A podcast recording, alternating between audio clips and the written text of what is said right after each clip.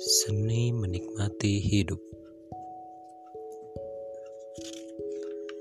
Kira-kira ada tidak ya orang yang tidak ingin menikmati hidup?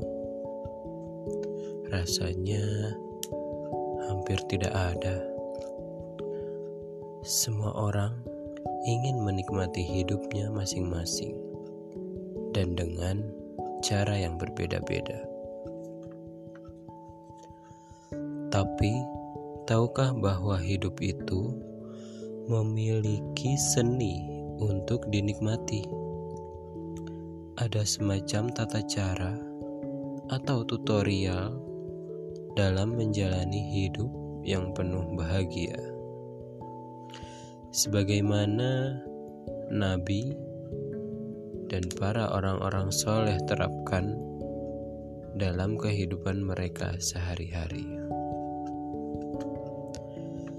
Hal penting yang harus diterapkan agar kita dapat menikmati hidup ialah bersyukur bahwa Allah memberikan kita nikmat dan karunia-Nya dengan segala apa yang kita punya hari ini dan belum tentu orang lain miliki.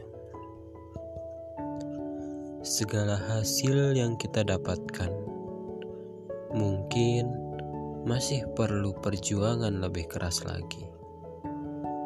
Namun, seperti inilah hidup: tempat berjuang, berpeluh, lelah, menangis, tapi selalu berakhir indah bila mampu sabar dalam menjalaninya. Hiraukan saat orang lain mengatakan hal buruk tentang kita, seperti menggunjing, nyinyir, memfitnah, atau bahkan merendahkan.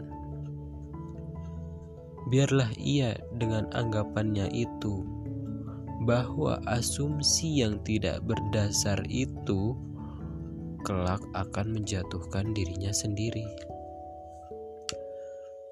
Nikmatilah proses menjadi diri sendiri dengan memaksimalkan segala potensi yang kita miliki.